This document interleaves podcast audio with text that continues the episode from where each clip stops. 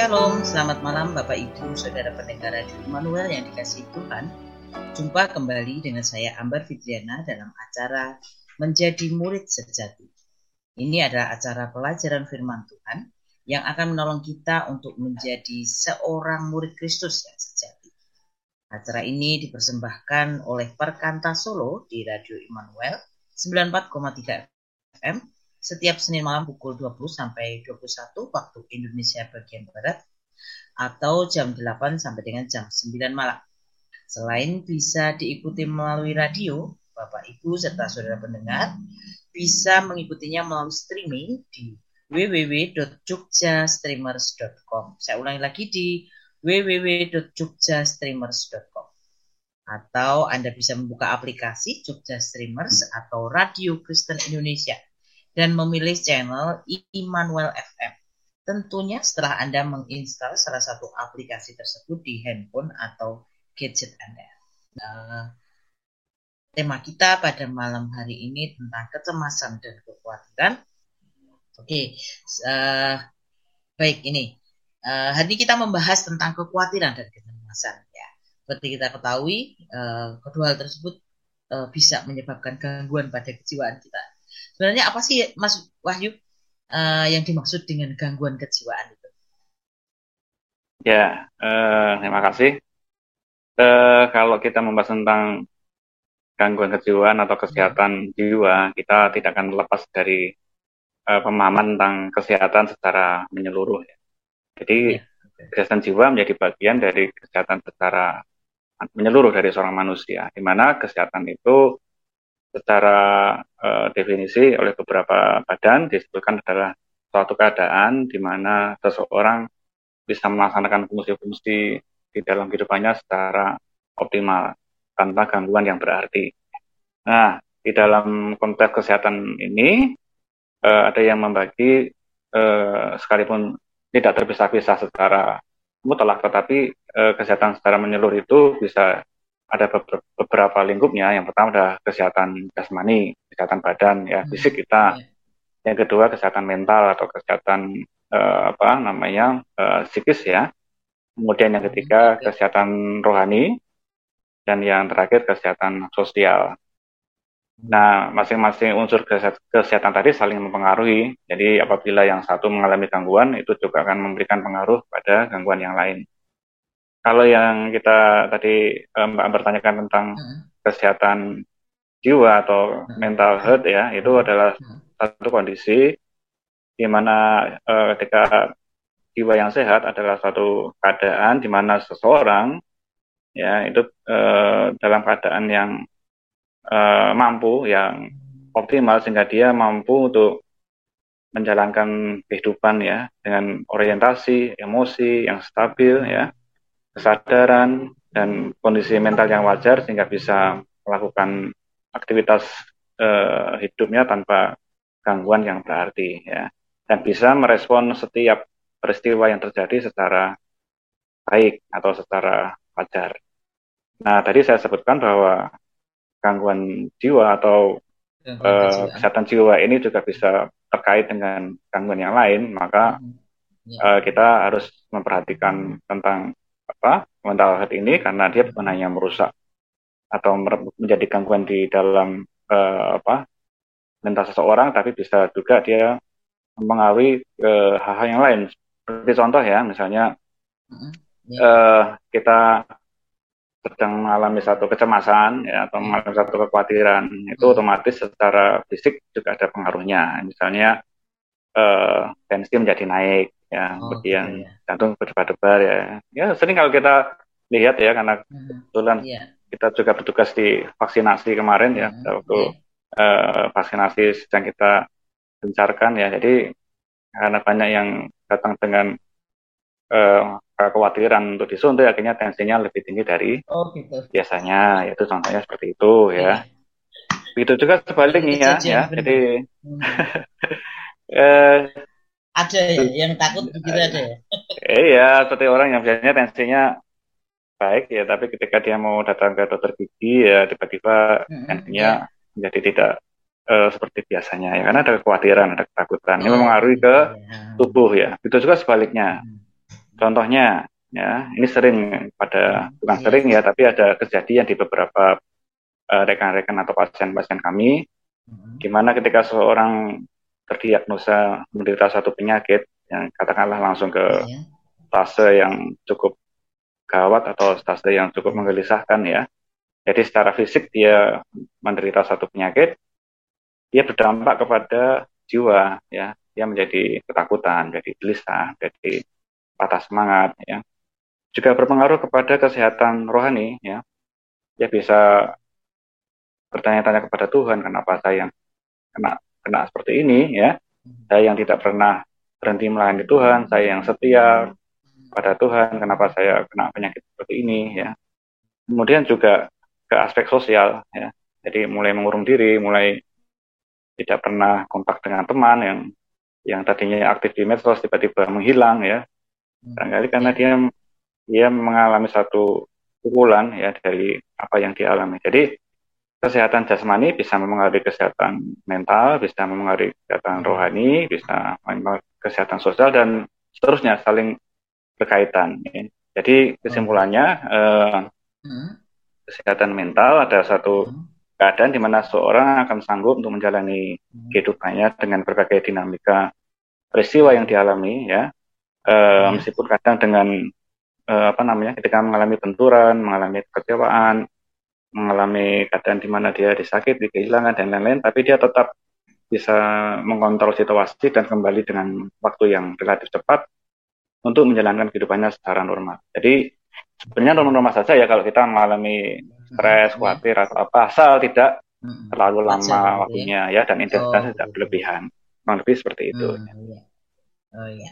Oke, lalu uh, apakah pemahaman tentang kekhawatiran dan kecemasan itu dan yeah. perbedaannya dengan gangguan kejiwaan yang lain gimana? Iya.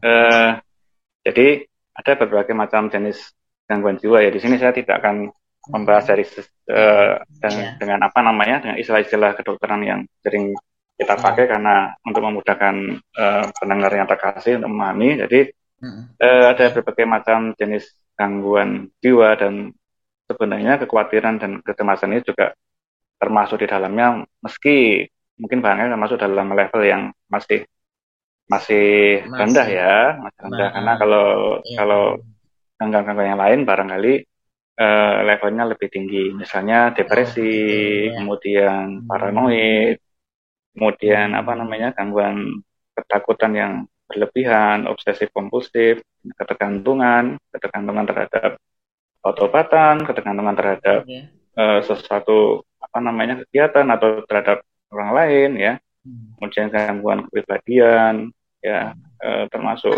yang uh, gangguan mood ya bipolar dan sebagainya Nah, eh, kalau yang sering dibandingkan itu kekhawatiran dan kecemasan itu mungkin di yeah. hampir disamakan atau dengan depresi, tetapi lain ya. Hmm. Kalau kekhawatiran itu adalah satu keadaan di mana kita memikirkan suatu hal ya yang hmm. sebenarnya belum nyata terjadi ya. Tetapi kita memikirkan hal itu dan kita hmm. merasa akan terjadi sesuatu hal yang negatif atau hal yang tidak baik hmm atau yang apa namanya mencelakakan kita. Jadi pemikiran negatif tentang suatu hal yang belum terjadi. Kalau kecemasan ini sebenarnya lebih la tahap lanjut dari kekhawatiran ya. Kecemasan pada dasarnya juga sama, dia memikirkan sesuatu yang sebenarnya belum terjadi, tetapi ini sudah mulai menimbulkan eh, pengaruh-pengaruh uh, pada fisik, meskipun mungkin apa namanya tiap-tiap orang berbeda. Ada yang uh, dia menjadi apa namanya uh, nyeri kepala, ada yang dia mengalami berdetak jantungnya berdetak lebih kencang, kemudian hmm. nggak bisa tidur, ya pernafasan tersengal-sengal. Jadi mungkin bisa kita anggap bahwa kecemasan itu intensitasnya lebih uh, dari kekhawatiran. kekhawatiran. Oh. Ya, hal depresi itu barangkali mm -hmm. respon terhadap suatu hal yang memang sudah terjadi ya, misalnya kehilangan apa namanya orang yang dikasihi atau kehilangan sesuatu yang apa namanya eh, milik yang begitu besar dalam waktu yang singkat sehingga dia mengalami depresi ya. Jadi sesuatu barangkali sudah terjadi ya sehingga dia mengalami kehilangan semangat hidup. Kalau kekhawatiran dan kecemasan arahnya lebih pada sesuatu yang diprediksi akan terjadi ya, meskipun hal itu belum terjadi. Belum terjadi. Oh, ya. Nah. Ya, ya, ya, ya. Ada lagi paranoid ya. Kalau paranoid oh, ini, ya ini lebih pada kecurigaan kepada kepada apa namanya orang lain, pada oh, iya. lingkungan, pada apa e, komunitas. Ya. Dia merasa curiga bahwa mereka itu barangkali akan bertindak tidak baik pada dirinya. Ini kecurigaan hmm. tapi lebih ke arah uh, ini kekhawatiran tapi lebih ke arah kecurigaan dan uh, prasangka yang negatif terhadap orang lain. Meskipun sebenarnya orang lain tidak berpikir seperti itu, ya. hmm. ya. Ini lebih parah, lebih berat.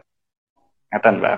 Oh ya, oke. Okay. Kemudian hal-hal apa saja yang bisa menjadi sumber dari kekhawatiran dan kecemasan? Mas Wahyu. Iya, jadi uh, sebelumnya kita harus uh, menyadari ya bahwa hmm, yeah. kita sendiri pun sebenarnya juga rentan ya, hmm. rentan terhadap kekhawatiran dan kecemasan ya. Kalau kita mau flashback hari ini, berapa kali kita khawatir hari ini? Hmm. Mengkhawatirkan apa ya?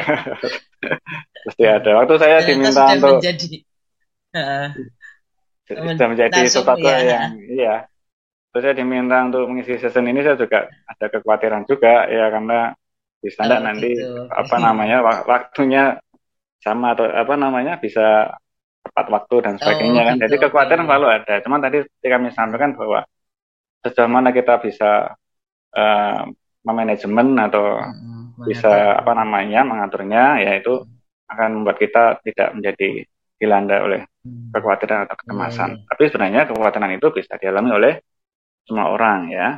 ya nah, hal-hal apa yang bisa uh, menyebabkan kekhawatiran hmm, ya. dalam pengalaman kami ya yang uh, kami jalani yang pertama ya. masalah kesehatan ya, masalah, ya, kesehatan. masalah kesehatan seseorang yang uh, mempunyai satu kendala di dalam hidupnya misalnya organ-organ uh, tubuhnya ada yang mengalami gangguan ya hmm. dia bisa mengkhawatirkan ya mengkhawatirkan apakah dia akan bisa bertahan dengan hmm. uh, apa namanya penyakit ini ya kemudian mengkhawatirkan akan kehilangan pekerjaan ya, ya. atau hal-hal yang yang lain terkait dengan uh, penyakit yang dia alami ya. ya, ya. Kemudian yang kedua masalah keuangan ya, hmm. masalah keuangan. Keuangan ini macam-macam ya, bisa orang yang tidak punya uh, cukup finansial dia hmm. mengkhawatirkan bagaimana dia nanti bisa mencukupkan apa namanya kehidupannya di tengah krisis ekonomi ya. Bagaimana dia bisa menyiapkan untuk studi anak-anaknya ya. Atau orang yang punya banyak uang ya. Dia mengkhawatirkan akan terjadi loss terjadi kehilangan hmm. ya banyak uang juga bisa khawatir ya? Banyak uang dan ya, teman-teman saya ini banyak yang banyak yang ya maaf ya saya tidak maksud menyebut tapi ada beberapa teman yang benar-benar nggak bisa tidur karena uh, sedang menjalankan suatu kegiatan uh, finansial yang di mana harus harus deg-degan. Oh, iya, iya, iya, iya. Takut ya, ya kalau pas dapat banyak ya, hmm, ya, ya suka iya. tapi kalau pas loss ya sakit ya. Oh, gitu. Ya. Dan ini bisa memang ke kekhawatiran ya. Hmm dan atau keduanya kesehatan terkait dengan keuangan. Jadi ketika orang sakit dia bisa kehilangan pekerjaan dan hmm, iya. mengakibatkan kehilangan penghasilan ini hmm. bisa menjadi satu sumber kekhawatiran. Hmm. Kemudian hubungan dan relasi ya, ya bisa orang iya. bisa khawatir kehilangan satu relasi dengan orang lain karena satu hmm. persoalan ya. Hmm. Kemudian intimidasi atau ancaman ya. Orang bisa khawatir kalau dia ada dalam satu lingkungan dia mana dia terancam mungkin karena dia apa namanya mempunyai uh, perbedaan yang apa namanya tidak sama dengan lingkungannya ya, oh, ya dia merasa ya. terancam ya dia tidak bisa tidur ya dia ketakutan ya ya dibully ya ngeri loh dibully ini ya penuh pasien yang dibully sejak dia masih SMP dia ya. sekitar berapa puluh tahun yang lalu dan sampai sampai sekarang dia berusia 40 tahun dia nggak berani keluar hmm. kamar karena oh, efek iya. dari iya. bulian yang ya. Wah, bisa ini ya, pengaruhnya bisa. Iya. Iya, moga-moga kalau berkantas mengangkat topik ini atau mungkin sudah iya. ya. Kemudian boleh, boleh. eh, menunggu satu keputusan ini juga bisa membuat hmm. orang khawatir ya ada satu keputusan terhadap mungkin dia melamar satu pekerjaan atau mendaftar di suatu sekolahan ya ya khawatir bisa diterima atau tidak hmm. Kemudian masuk dalam lingkungan yang baru ya hmm. masuk dalam lingkungan yang baru di mana dia eh, berpikir bisa diterima atau tidak dengan kondisinya ya kemudian atau melakukan hal-hal yang baru yang belum pernah dilakukan pekerjaan-pekerjaan yang baru dia khawatir ya tentang kemampuannya bisa atau tidak ya. Hmm. ya dulu di tempat pekerjaan saya kan kalau ada event-event tertentu saya diminta untuk tampil menyanyi ya karena oh, gitu. posisi dan pekerjaan saya dan itu selalu membuat saya khawatir cemas karena itu hal yang baru bagi saya bukan bukan oh, hal yang gitu. biasa saya lakukan kita semua seperti itu ketika kita diminta untuk melakukan sesuatu yang yang baru wajar lah kalau kita khawatir atau kekhawatiran hmm. karena hal secara global ya seperti kemarin kita berusaha melewati puncak dari corona ya nah, yeah. kita mengalami hari-hari oh, minggu-minggu yeah. bulan-bulan penuh kekhawatiran ya. Kekhawatiran yang yang global ya. Ketika kita melihat eh, di berita-berita ya teman-teman saudara yang terkasih keluarga kita ada yang satu iya, persatu Tuhan izinkan untuk dipanggil itu kan kita juga mengalami kekhawatiran. Kemudian eh, kekhawatiran juga eh, terkait dengan terus apa namanya eh, satu komunitas tertentu ya. Katakanlah kita sebagai seorang minoritas kadang-kadang kita hmm, merasa iya. kekhawatiran gitu kan suatu saat keadaan negara terjadi gejolak kemudian sebagai yeah. orang yang minoritas bisa menjadi korban ini banyak banyak yang teman-teman yang eh, meskipun dalam skala yang rendah tapi ini menjadi satu kekhawatiran ya hmm. kekhawatiran apakah nanti tidak bisa mengekspresikan iman karena uh, mungkin ada ancaman terhadap negara dan sebagainya ini juga bisa menjadi satu kekhawatiran kemudian kehilangan masa depan ya kalau anak-anak muda mungkin kekhawatiran tentang cita-cita yang mungkin akan sulit tercapai karena eh, harus kuliah di satu perguruan di mana peluang untuk masuk di sana juga susah. Kalau orang dewasa mungkin hmm, ya. masa depannya adalah masa pensiun ya. Kekhawatiran nanti kalau pensiun nanti eh, pensiun dalam keadaan apa namanya tidak tidak memiliki cukup dana untuk hidup pensiun dengan layak. Ya. Anak-anak ya. mungkin juga mungkin melupakan ya banyak pasien-pasien kami yang eh, ibu-ibu atau bapak lansia yang menderita karena dilupakan oleh keluarga dan eh, mungkin banyak sekarang yang masih masih belum menjalani itu juga mulai memikirkan wah nanti kalau aku pensiun nanti bagaimana dengan yang ini saya ya anak-anak kelihatannya tidak kelihatan bakatnya tidak ada yang peduli dengan saya ya hmm finansial bagaimana ya itu juga bisa menjadi satu kekhawatiran. Hmm. Ada juga kekhawatiran yang terkait dengan uh, dosa ya, jadi uh, kekhawatiran apabila nanti sudah selesai ya hidupnya di dunia ini yeah. apakah dia ada dalam apa namanya uh, kondisi pengampunan atau oh, tidak. Ini juga banyak baik untuk kita nanti bisa bicara tentang apa kasih karunia Tuhan. Jadi iya. ada orang yang berpikir nanti saya ini sebenarnya kalau jadi panggil Tuhan saya nanti akan diselamatkan atau tidak. Ini kekhawatiran yang sebenarnya eh, akan menolong seseorang untuk mendapatkan eh, keselamatan sebenarnya ya. Iya, Dan mungkin masih banyak lagi yang eh, belum eh, bisa kita sebutkan. Tapi apa pun hal yang membuat seseorang berpikir sesuatu yang buruk akan terjadi, yeah. itu adalah satu kekhawatiran dan apabila itu mengakibatkan uh, dampak meskipun minimal di dalam uh, apa namanya tubuhnya ya seperti kami sampaikan tadi tidak bisa tidur atau hmm. insomnia hmm. kemudian hmm. nyeri kepala kemudian apa hmm. keringat dingin dan sebagainya itu adalah satu kecemasan hmm, ya. saya kira demikian oke okay, ya kemudian ini bagaimana kehendak Allah tentang sikap kita terhadap kekhawatiran dan kecemasan yang terdapat di dalam Alkitab, Mas Wahyu. Iya, uh, sangat menarik sekali bahwa hmm, ya. Alkitab mencatat beberapa apa namanya uh, pengertian tentang kekhawatiran ya dan, hmm, dan iya. bagaimana Allah ingin kita merespon atau menyikapi apabila terjadi hal-hal yang membuat kita khawatir. Hmm. Mungkin yang paling segera kita ingat ya itu dari salah satu ayat hafalan ya dari Filipi 4, 6 dan 7 ya. Hmm, ya. E, janganlah hendaknya kamu khawatir tentang apa pun ya. Hmm, Tapi ya. nyatakanlah dalam segala hal keinginanmu dalam doa dan uh, syukur ya. Maka damai sejahtera Allah yang memelihara uh, uh, yang melampaui segala akal akan memelihara ya.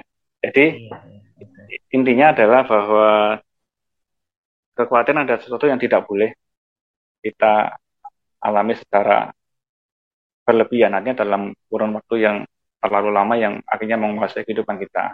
Hmm, yeah. Jadi janganlah kata janganlah berarti Allah ingin bahwa kita tidak memelihara atau namanya berlama-lama dengan atau mem, kalau bisa membiasakan untuk tidak mengkhawatirkan ya, hal-hal yang terkait dengan kehidupan kita di dunia ini. Tetapi apabila hal itu ada potensi-potensi yang bisa menyebabkan uh, kekhawatiran, tidak ada satu uh, jalan yang uh, arah berikan yaitu supaya kita meminta kepada Tuhan, menyerahkan. Ya. Hmm. Artinya menyerahkan ya sudah tidak tidak kita pegang lagi ya, iya, secara iya, secara harfiah ketika kita memegang suatu benda dan kita serahkan pada pihak yang lain, Anda sudah tidak memegang benda itu lagi, benda itu sudah ada di tangan orang lain. Ya. Ini kalau kekhawatiran itu sudah kita serahkan pada Tuhan, seharusnya kita tidak lagi mikirin lagi memikirkan atau memelihara atau oh, iya. tidak ada di dalam diri kita lagi. Kalau khawatir lagi ya serahkan lagi, khawatir lagi serahkan lagi. Ya.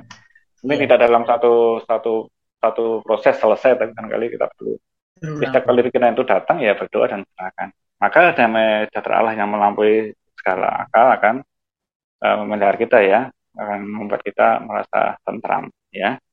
Jadi hmm. barangkali uh, solusi dari kekuatan itu mungkin belum hmm. belum terjawab ya, tapi damai sejahteranya sudah ada. Sudah ada. ya. ya betul. Jadi uh, karena iman ya, karena iman karena uh, kasih Tuhan sehingga sekalipun jawaban atas sesuatu yang kita risaukan itu belum hmm belum real ada tapi sudah ada damai sejahtera ya. Kemudian dari 1 Petrus 57 serahkanlah segala khawatirmu kepada Tuhan karena dialah yang memelihara.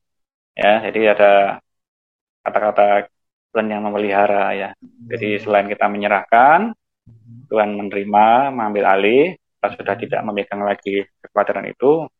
Kemudian ada bagian lain mengatakan bahwa Tuhan yang memelihara. Kalau kita yang sebagai uh, apa apa namanya umat yang dipelihara ya kita harus patut pat, uh, apa namanya percaya ya trust pada Allah yang memelihara kita hmm. ya, tidak akan membuat kita kekurangan ya kemudian ini yang menarik ini dari Mazmur 55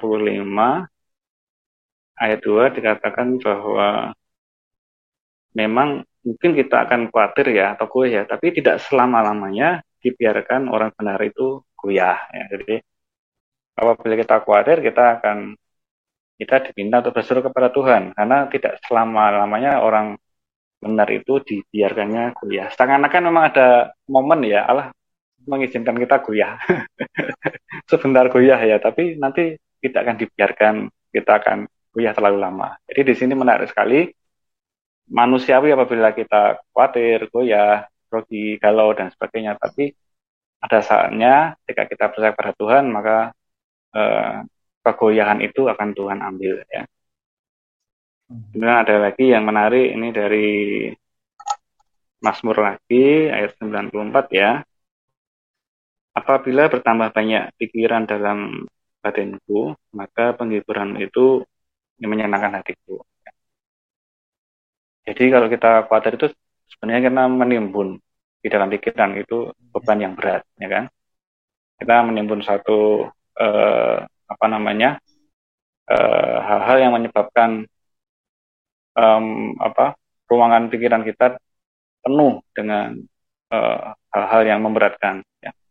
Dan banyak penyakit yang uh, muncul ya, yang bisa fatal, yang bisa terjadi karena pikiran yang terlalu berat. Salah satunya mungkin orang sering korelasikan antara uh, pecahnya pembuluh darah, stroke dengan terlalu banyak apa namanya ya. tegang ya pemikiran yang tegang karena ya. bisa menyebabkan tensi meningkat kemudian terjadi stroke ya hmm. Hmm. meskipun tidak semua orang yang stroke atau teman-teman kita yang stroke itu karena terlalu banyak berpikir ya Pikir, tapi oh. pada beberapa kasus memang karena pemikiran terlalu banyak dan uh, tidak bisa di manajemen ya. Hmm, Tapi di sini iya. dikatakan di dalam Mazmur apabila pertama banyak pikiran di dalam hmm. itu maka penghiburan Tuhan itu menyenangkan kita. Jadi eh, apa namanya ada solusi ketika kita mulai khawatir dan kekhawatiran itu membebani pikiran kita maka datang pada Tuhan dan Tuhan akan memberikan penghiburan. Ya. Kemudian dari Amsal kekhawatiran itu membungkukkan ya. Ya beberapa penelitian memang mengatakan bahwa eh, kekhawatiran menyebabkan kekakuan ya di dalam eh, di bagian punggung ya. Jadi eh, menyebabkan di sini katakan memungkukkan karena mungkin karena nyeri di punggung maka hmm. penulis Amsal mengatakan dia menjadi terbungkuk ya. Hmm. Di Amsal 12 ayat 25 tetapi di Amsal yang 15 yang ayat yang kita kenal dengan luas tapi hati yang gembira adalah obat yang manjur ya. Jadi di sisi lain, eh, mari kita lebih banyak menanamkan dalam pikiran kita adalah kegembiraan ya. Hmm, Jadi ke, ya. karena kekhawatiran tadi ternyata menimbulkan eh, dampak yang tidak baik di dalam hmm, tubuh kita ya. ya. Hmm. Jadi kekhawatiran atau semangat yang patah itu kan mengeringkan tulang ya. Hmm. Tapi hati yang gembira adalah obat yang baik ya. Ini bukan hanya uh, firman yang bukan slogan kata -kata aja ya. manis slogan ya, iya, tapi betul.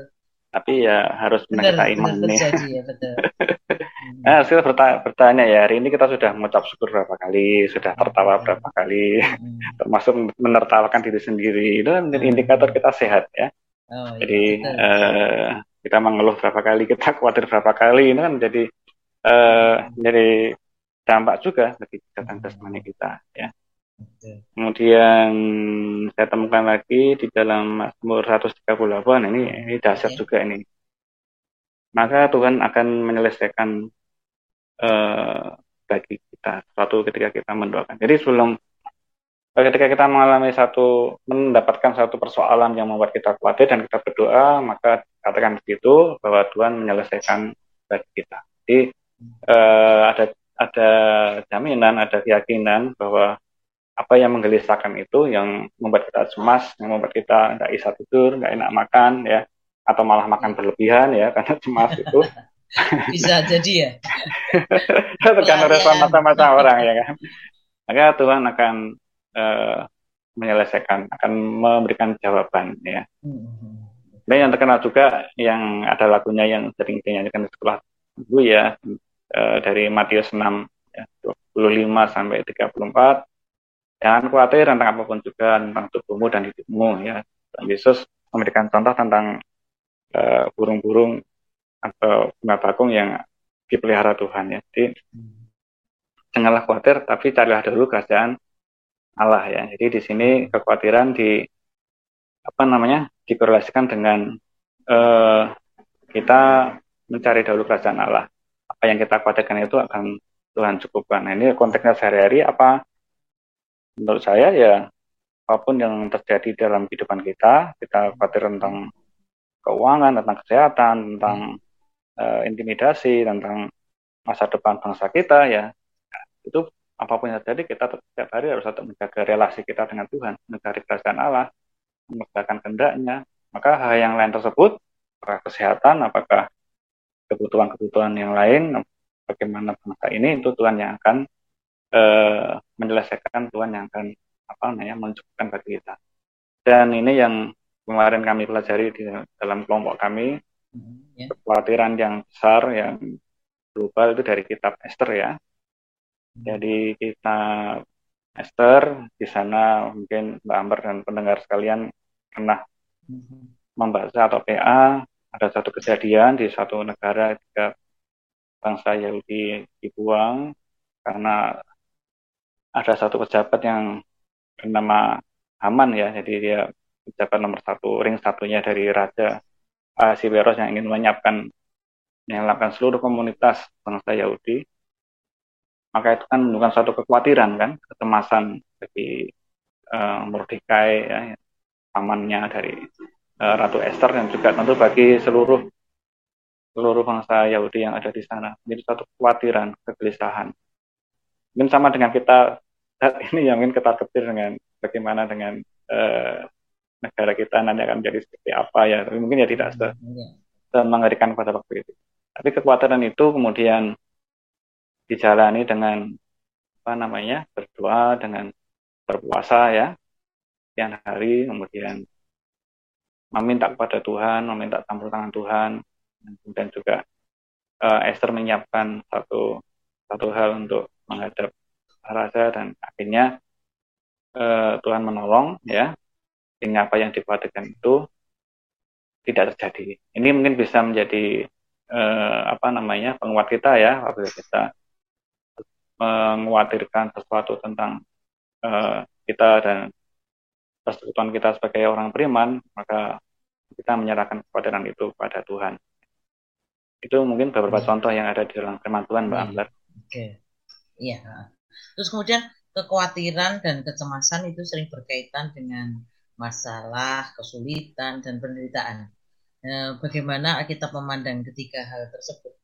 Apakah itu ada kaitannya uh, ada kaitan dosa dengan hal-hal tersebut Mas Wahyu iya iya jadi kekhawatiran kecemasan memang uh, sesuatu satu hal yang memang terjadi mungkin karena ada satu hal permasalahan real yang ada hmm. ya dan bagaimana firman Tuhan uh, melihat hal itu ada beberapa yang bisa kita pelajari yang mungkin yang uh, pertama mungkin cukup kita kenal ya dari uh, Yakobus yang pertama ya ayat 2 dan 4 katakan bahwa ujian-ujian atau pencobaan yang alay jangan terjadi dalam kehidupan kita ya. itu ya. sebenarnya adalah uh, ujian-ujian untuk melatih ya ketekunan kita ya jadi tidak mungkinlah kita sebagai uh, murid Tuhan hidup tidak mengalami ujian apa pun ya. Jadi Tuhan tidak menjanjikan bahwa kita hidup dalam uh, keadaan bebas dari apa masalah dari ujian ya. Dan ujian bisa bermacam-macam ya. Mungkin kita kehilangan, ya mungkin kita tidak mendapatkan yang kita harapkan karena Tuhan tidak menghendaki apa yang kita harapkan itu ya. Mungkin kita ditolak ya, mungkin kita direndahkan orang lain, mungkin kita terancam, mungkin kita sakit, ya. Sementara orang yang jahat malah sehat, ya. Seperti di Mazmur 73 ya, kalau tidak salah ya. ya Jadi betul. Apa pun yang terjadi, semua itu Allah izinkan terjadi, ya. Semua itu Allah izinkan terjadi. Hmm. Tujuannya adalah untuk kita bisa eh, apa namanya bertekun di dalam iman, dalam doa, dan akhirnya menghasilkan buah. Ya. Jadi Allah tidak bisa menjadikan kita itu murid Kristus yang sejati tanpa kita melalui masalah-masalah itu. Tapi tentu semua masalah, semua ujian itu terukur ya. Allah sudah e, mengatur sehingga e, kita akan diberi kekuatan dan diberi jalan keluar dan ya kita menyelesaikan satu ujian kita akan menjadi bertambah dewasa dan akan bisa menolong orang lain ya. Menolong orang lain yang mungkin mengalami masalah yang sama untuk bisa keluar dari masalah itu dengan uh, bersandar pada Tuhan ya. Jadi itu yang pertama yang kita lihat bahwa memang kalau kita mengatakan satu masalah ya kita harus yeah. Uh, melihat bahwa tidak mungkin Allah mendewaskan kita tanpa masalah. Itu pun tentu harapan kita bahwa hidup kita kita jalani tanpa masalah, tetapi uh, itu tidak mungkin karena penderitaan, tapi juga berkat keprihatinan, tapi juga sukacita itu kan silih berganti datang yang Allah yang terjadi. Jadi kita memandang semuanya itu Allah yang terjadi dan itu untuk kebaikan kita. Lalu apakah ada uh, masalah yang terjadi karena dosa kita? Iya. Ya, tentu ada, ya, karena firman Tuhan sendiri mengatakan ya. Salah satunya kalau kita lihat dari kita peratapan ya, peratapan tiga ya.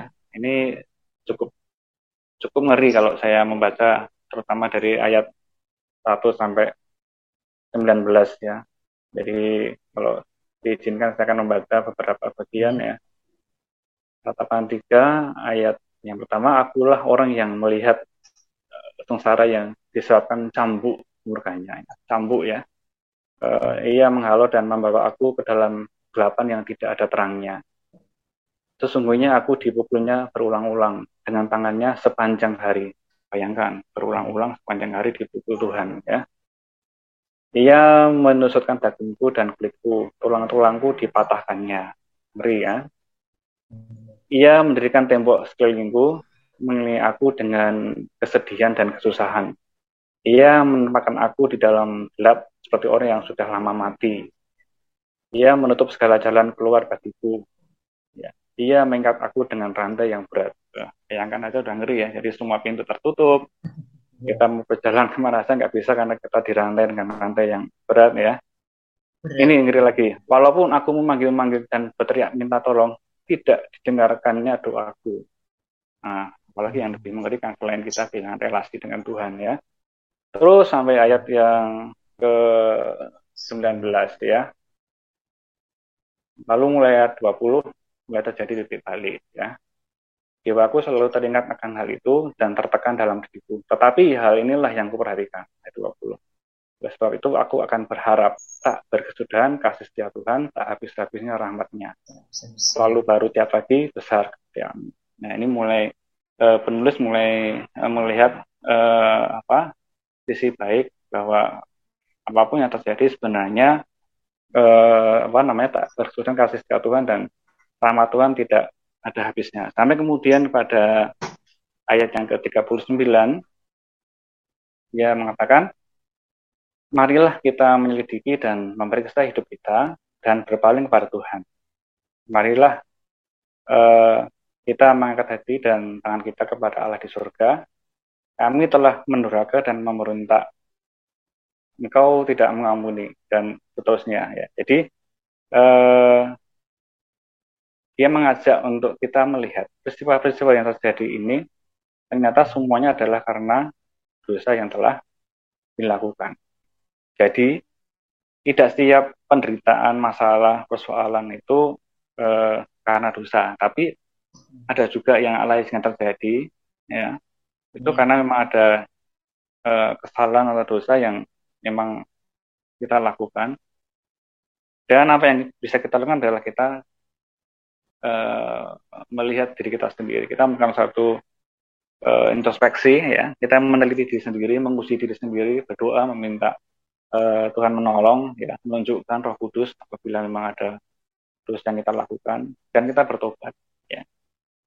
Jadi uh, ada dua hal yang tadi sudah kami uh, saya sampaikan. Yang pertama, memang ujian masalah kesedihan, ya, penderitaan itu memang alainya terjadi karena itu memang bagian dari uh, Tuhan untuk kita menjadi dewasa. Tapi yang kedua itu terjadi uh, karena memang Allah ingin kita terlepas dari dosa kita, kita tobat dari dosa kita sehingga tidak ada cara yang lain Allah uh, memberikan penderitaan atau hukuman yang harus kita alami.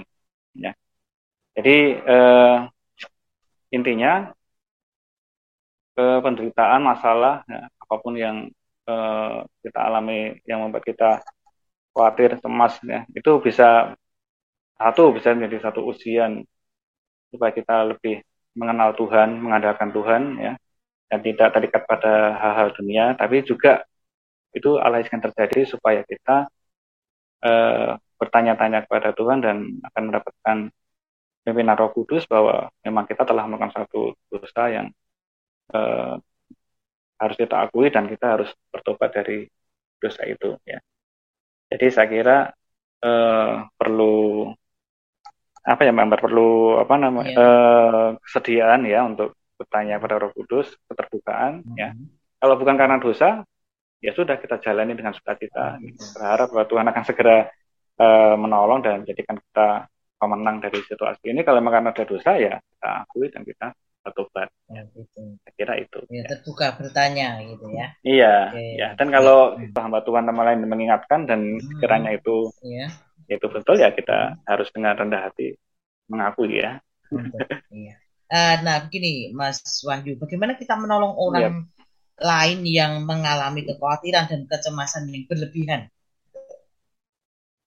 Iya, hmm. di sini perlu kita lihat dulu ya kapasitas kita ya. Jadi hmm. kalau kita sebagai seorang kakak rohani atau rohaniwan atau sebagai seorang hmm. terapis, dokter atau uh, tenaga kesehatan seperti saya, sebagai seorang konselor, ya, ya. Itu tentu berbeda dengan kita sebagai seorang teman ya atau kalau zaman sekarang anak-anak bilangnya bestie atau apa itu ya soulmate itu ya itu eh, tentu berbeda. Kalau yang profesional tentu mempunyai eh, apa kaidah-kaidah atau SOP tersendiri ya.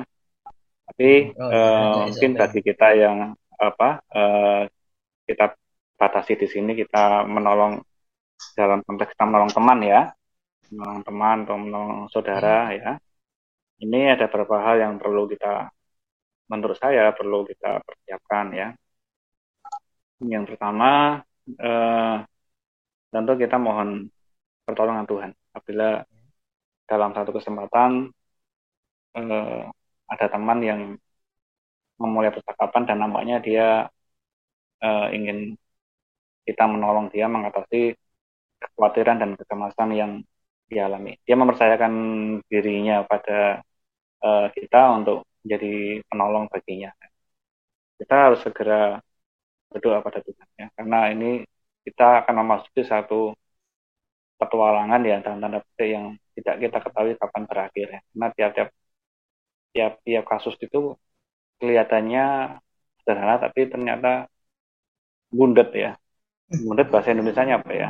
Kusut ya. Kusut ya. Betul. ya. Jadi harus kita jangan jangan merasa kita yakin cukup sang, uh, cukup mempunyai kemampuan untuk menguraikan apa yang dialami kita berdoa dulu ya. Meskipun ya dalam hati tapi ketika momen itu terjadi kita berdoa minta hikmat pada Tuhan dan hmm. kepekaan untuk tahu kebutuhannya ya. Kemudian berdoa untuk memiliki kasih yang cukup. Karena kadang-kadang uh, kalau kita kehilangan kasih ya akhirnya kita mulai uh, apa tidak antusias lagi untuk menjadi penolong ya. Kemudian uh, kita harus menyiapkan energi juga berdoa untuk energi. Karena tadi saya sampaikan barangkali uh, waktunya akan lama ya. Belum tentu satu hari selesai karena mungkin dia punya banyak kekuatannya beranak pinak ya sehingga kita akan harus telaten iya. untuk uh, mengatasinya ya. Yang jelas juga kesetiaan ya. Ada kata-kata bahwa teman yang baik itu belum tentu bisa menghilangkan kekhawatiran atau masalah kita. Hmm. tetapi teman yang baik itu tidak akan hilang menghilang ketika kita mengalami satu permasalahan. Di sini kita tantangan ya ketika teman kita menghadapi satu kekhawatiran dan dia mempercayakan kita untuk menolong kita jangan sampai kita hilang ya. Meskipun uh, belum tentu nanti kita bisa menghilangkan kekhawatiran. Tapi yang penting ketika kita dipercaya kita harus tetap stay di sampingnya ya. Kemudian kita menjadi pendengar dulu yang baik ya. Uh, yeah. Jangan cepat-cepat untuk memutus apa yang menjadi kalau kesahnya ya. Dari jadi pendengar ini kita akan apa namanya uh, bisa tahu apa yang dia butuhkan. Kemudian jadi setelah kita mempunyai pemahaman tentang firman Tuhan, tentang kekhawatiran, perlahan-lahan kita tawarkan uh, solusi-solusi uh, seperti yang kita ketahui ya, apakah mulai dari mempercayakan kepada Tuhan untuk apa namanya uh, masalah yang dihadapi, lepas dari apa pun keyakinannya atau relasinya dengan Tuhan saat ini atau uh, maaf ya agamanya apa pun ya kita kalau dia hmm. sudah menerima kepada kita ya kita tawarkan dia percaya pada pada Tuhan bahwa Tuhan sanggup untuk uh, membebaskan dia dari uh, kekhawatirannya dan uh, akan memberikan satu solusi atau akan uh, membuat dia lepas dari kegalauannya atau kecemasannya. Kita mengenalkan mengenalkan Tuhan yang telah juga menolong kita di waktu-waktu yang lalu ya mungkin kita bisa cerita bahwa kita pernah mengalami mungkin masalah yang mungkin tidak persis sama tetapi uh, di situ Allah menolong kita dengan cara yang uh, membuat kita mengalami kelepasan. Yang mungkin masalah tidak sama, tapi intensitas kekhawatirannya atau kecemasannya mungkin juga kita sama dengan yang dialami. Ya. Jadi uh, mendengarkan, kemudian dari mendengarkan itu kita akan bisa melihat kebutuhannya dan kita ajukan solusi sesuai dengan uh, firman Tuhan dan uh, so, permasalahannya mungkin ada masalah-masalah yang sifatnya praktis kita cari apa namanya uh, hal yang bisa kita bantu semaksimal mungkin. Misalnya kekuatannya tentang pendidikan ya ya kita kita harus belajar atau kita mencari referensi-referensi yang barangkali kita bisa menolong memberikan saran atau memberikan uh, rekomendasi ke orang yang lain intinya kita uh, peduli ya kita peduli kita juga mau belajar untuk kira-kira mencari solusi yang dia berikan ya jadi uh, ada dua hal Mbak Ambar yang bisa kita yeah. Iya. lakukan. Ya, kita sampaikan yang pertama adalah secara rohani kita mengajak dia untuk berdoa pada Tuhan dan secara hmm. apa namanya secara praktis kebutuhan praktis yang dia khawatirkan itu kita ikut membantu menemaninya. Mungkin kita tidak akan bisa mengatasi masalahnya karena mungkin kita bukan expert di bidang itu, tapi kita menemaninya dengan cara mungkin kita mempelajari apa yang dia permasalahkan dan kita menemaninya mencari uh, solusi dari masalah. Solusi. Tapi jangan lupa yang pertama adalah kita mengajak dia untuk mempercayai Tuhan. Uh, hmm. Kalau perlu berdoa bersama. Beberapa pasien saya saya saya ajak berdoa di di ruang praktik ya. Kalau dia mau ya. Hmm.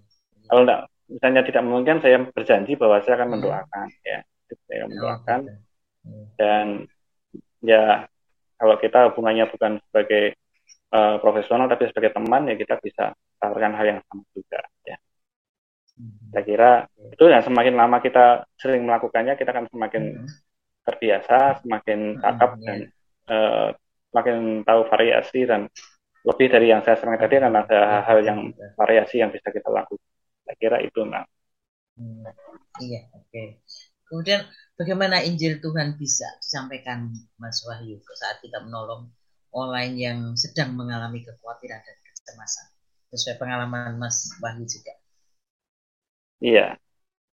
Jadi sebenarnya hidup kita ini kan uh, kita mempunyai satu tugas ya dari mm-hmm. Tuhan setelah kita diselamatkan bahwa kita harus tetap terlibat dalam karya keselamatan Tuhan. Jadi apa pun yang kita lakukan sebenarnya akhirnya adalah kita membawa orang kepada Tuhan ya. Jadi segala bentuk relasi kita dengan orang lain itu sebenarnya mutu utama atau tujuan utama adalah bagaimana orang itu mengenal Tuhan yang ada di dalam diri kita. Tentu ini memerlukan uh, kebiasaan. Kalau kita tidak membiasakan diri untuk membawa setiap koneksi, setiap hubungan di dalam konteks membawa orang kepada Tuhan, ya mungkin akan sulit untuk kita lakukan. Tapi apabila kita membiasakan, mungkin pertama kedua akan susah. Tapi lama-kelamaan kita juga akan terbiasa.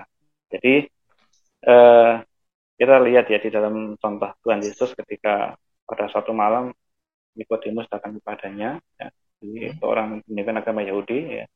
Kita tidak tahu kenapa dia menemui Tuhan Yesus pada malam hari, tidak di siang hari ketika ada banyak orang di, pada malam hari.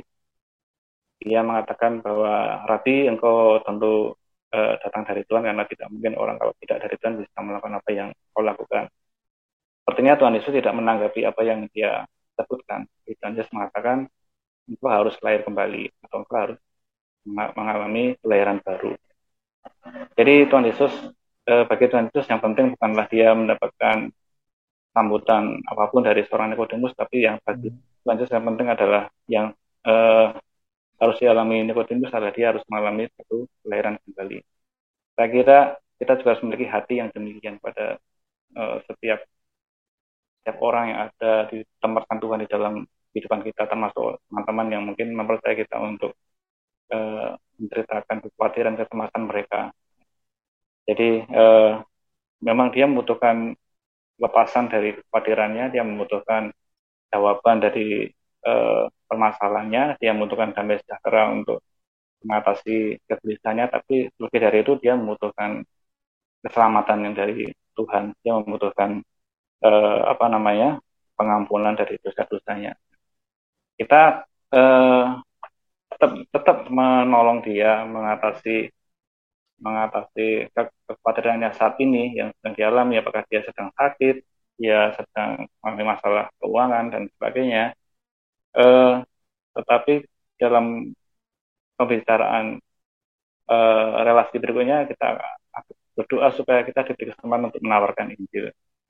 Atau mungkin Tuhan sendiri yang akan membuka hatinya untuk bertanya tentang eh, apa yang terjadi dalam kehidupan saya sehingga eh, apa yang terjadi dalam kehidupan kita sehingga kita mengasihinya ya kita bercerita bahwa kita melakukan ini karena Kristus sudah mengasihi kita sehingga kita bisa mengasihi orang lain dan sebagainya. Jadi tadi saya sampaikan apabila kita terbiasa melakukannya kita akan uh, semakin tahu ya uh, apa yang akan kita sampaikan apa yang akan kita bagikan ya. Karena itu mari kita mencoba mulai bagi yang bagi yang sudah lama tidak tidak melakukannya ya ayo sekarang kita kita mulai mulai hari ini ya kita mendoakan setiap eh, apa bentuk relasi kita dengan orang lain di mana kita akhirnya dipercaya untuk menjadi penolong dari masalahnya supaya bukan hanya kelepasan dari kekhawatiran kecemasan ya. Tapi eh, kelanjutan dari itu adalah supaya setiap orang mengalami uh, hidup baru di dalam Kristus. Saya sering terkesan dengan uh, kakak-kakak orang kita ya, di masa, di masa yang lalu sering kita mendengarkan bagaimana menolong orang, menginjili teman-teman, bukan dari event-event apa namanya uh, peribadatan atau persekutuan, tapi dari keseharian ya, ketika ngobrol, ketika uh, seorang menemukan masalah, di situ menawarkan tentang Injil dan akhirnya uh, teman itu uh, menerima Tuhan menerima Tuhan Yesus sebagai Tuhan dan Juru Selamat secara pribadi. Nah, saya kira kekhawatiran, kecemasan yang dialami oleh eh, teman-teman uh, kita yang belum mengenal Kristus, ya, itu bisa menjadi uh, saran sebagai Tuhan untuk bukan hanya kita menolong untuk dia mengatasi uh, masalah itu, tapi uh, kesempatan untuk membagikan Allah yang telah uh, apa perubahan yang telah kita alami di dalam Kristus supaya dia juga bisa menikmati ya. Sekali lagi kita perlu banyak berdoa, banyak menyiapkan diri kita dan banyak mencoba ya supaya kita bisa semakin apa namanya semakin terlatih untuk melakukannya. Okay. Saya kira itu mbak mbak. Iya, oke. Okay. Ya, uh, baik ini para pendengar setia menjadi jadi tak terasa ya sudah hampir satu jamnya kita lalui bersama. Uh, sebelum kita menutup uh, pelajaran kita pada malam hari ini. Uh, saya mau minta tolong Mas Wahyu Kurniawan untuk menyimpulkan ya dari pelajaran kita malam hari ini dan sekaligus nanti menutup dengan doa. Silahkan Mas Wahyu. Iya, terima kasih Member. Jadi uh, malam hari ini kita sama-sama belajar uh, tentang apakah itu kekhawatiran dan kecemasan. Jadi kekhawatiran dan kecemasan adalah suatu kondisi di mana kita uh, memikirkan atau meramalkan atau memperkirakan sesuatu yang uh, negatif, yang buruk akan terjadi dalam diri kita dan itu bisa menyebabkan gangguan-gangguan di dalam uh, uh, tubuh kita dan bisa menyebabkan juga relasi kita dengan Tuhan terganggu karena kita menjadi tidak mempercayai Tuhan, kita menjadi mencurigai Tuhan dan uh, seterusnya. Kemudian firman Tuhan mengatakan bahwa kekhawatiran itu uh, kita bisa mengatasi kekuatan itu apabila kita mempercayai Tuhan untuk uh, memegang, mengendalikan dan menyerahkan kekuatan itu, maka Tuhan akan mengambil alih dan akan memberikan damai sejahtera kepada kita. Dan kita juga akan dipakai Tuhan untuk menolong siapa pun yang ada di dalam uh, relasi kita apabila kita dipercaya sebagai orang yang akan mendengarkan dia menceritakan kekhawatiran dan kegelisahan kecemasan hatinya. Kita perlu berdoa kepada Tuhan di, supaya dimampukan untuk menjadi uh, apa namanya penolong ya menjadi alat Tuhan untuk uh, menolong teman kita dan bukan hanya menolong dia mengatasi uh, kekhawatiran dan kecemasannya tapi juga mengajak teman kita itu datang kepada Tuhan yang akan memberikan satu kehidupan yang baru yang penuh dengan damai sejahtera sama seperti yang telah kita alami ya karena setelah kita menerima Tuhan Yesus sebagai Tuhan dan Juru Selamat pribadi, kita juga mengalami kehidupan yang penuh dengan damai sejahtera. Saya kira itu eh, kita pada malam hari ini. Semoga menjadi berkat bagi kita semua. Amin. Terima kasih sekali Mas Wahyu Kurniawan untuk pelajaran kita pada malam hari ini sudah membukakan wawasan kita juga ya sama-sama Mbak Oke, okay, ya. ya. Oke, demikian tadi sobat setia acara menjadi murid sejati. Pelajaran kita pada malam hari ini sudah berakhir. Namun kita akan berjumpa kembali minggu depan dengan tema kegagalan dan keterpurukan. Tetap di waktu dan gelombang yang sama. 94,3 FM Immanuel Peaceful Station. Oke, selamat malam dan Tuhan Yesus memberkati. thank you